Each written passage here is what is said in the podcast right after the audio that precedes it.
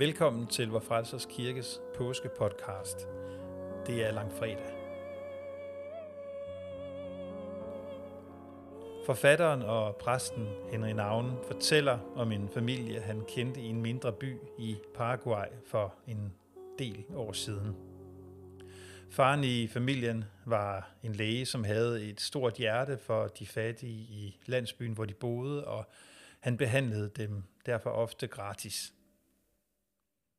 Ofte så talte lægen her også offentligt imod det daværende militærregime i landet og, og dets overtrædelse af menneskerettighederne. Derfor brød autoriteterne, politiet og den politiske magt i byen sig ikke om ham og det han gjorde. De mente, han skabte uro blandt de fattige. Selve lægen var for populær til, at de turde gøre noget ved ham. Men i stedet for så kidnappede de hans teenage-søn. De arresterede ham, satte ham i fængsel, og de udsatte ham for tortur.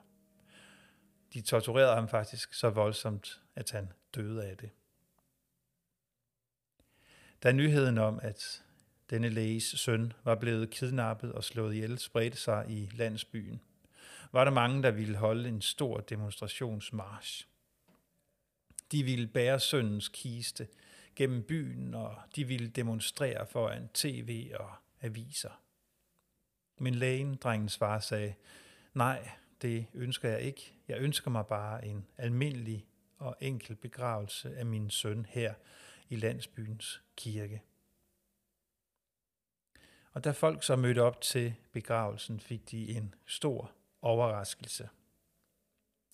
For faren han havde lagt søndens krop frem i, ki- i kirken, lige præcis sådan, som han havde fundet den i fængselscellen. I stedet for en vasket og pyntet krop, klædt i jakkesæt, liggende i en dyr kiste, så lå der der midt i kirken på en blodig fængselsmadras en nøgen drengekrop, der var vandsiret af elektroschok brandmærker fra cigaretter og slag. Som den stærkest mulige protest mod uretten, så blev uretten selv fremvist for hele byen, der stille gik forbi det unge lige. Og Henry Navn spørger, er det ikke lige præcis det, som Gud gjorde på Golgata langfredag?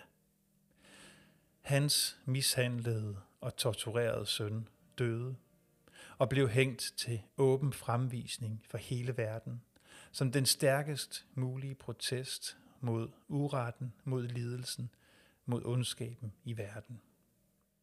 Eller sagt på en anden måde. Langfredag viser Gud os, hvad vi har gjort ved verden – og med selvhengivende, selvopoffrende kærlighed går han ind i den verden og overgiver sig til den. Han overgiver sig til os og det, vi vil gøre ved verden. Påskedag om tre dage, der viser han os så, hvad han har tænkt sig at gøre ved verden.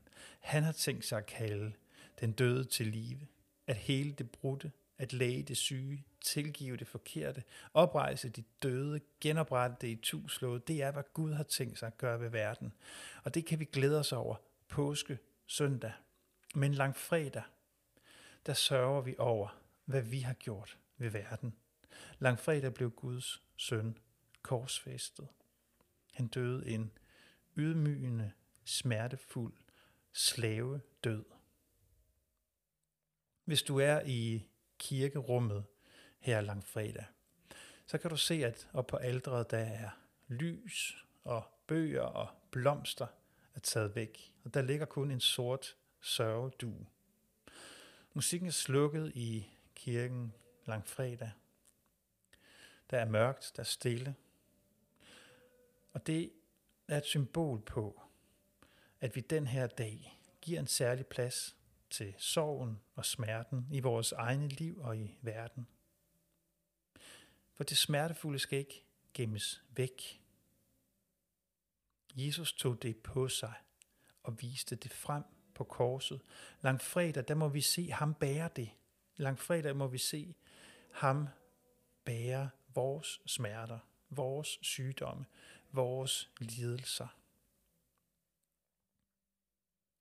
Jeg kom til at tænke på en tanke, som jeg havde har mødt fra den jødiske tænker Hannah Arendt, som et sted siger, at der er noget, som er værre end døden, nemlig usynlighed. Usynlighed er værre end døden, siger Hannah Arendt. Fordi det knytter sig til vores menneskelighed, til det at være et værdigt menneske med ret til livet, at vi får mund og male. Også at vores lidelse og vores smerte får mund og male. At nogen ser os og hører os, at det betyder noget, hvad vi siger, og at vi er her. Det gælder generelt for os mennesker, at usynlighed er en ond skæbne. Og tænk på lige en gang, hvor store bestræbelser vi egentlig gør os for at blive set og hørt. For ikke at være usynlige. Vi siger vores mening, tager pænt tøj på, spiller, synger, træder frem, laver en podcast. Fortæller, hvad vi har oplevet, lægger billeder og tanker ud på de sociale medier. Måske gælder det særligt i vores tid, at usynlighed bliver anset for at være en stor ulykke. For tænk nu, hvis ingen lægger mærke til mig. Og så alligevel, så foretrækker vi måske nogle gange usynligheden. Måske foretrækker vi faktisk nogle gange at gemme os i smerten. Måske gælder det især, når vi lider. Langfredag er altså en dag, hvor vi giver en særlig plads til sorgen og smerten og sørgeduen på aldret her i kirken.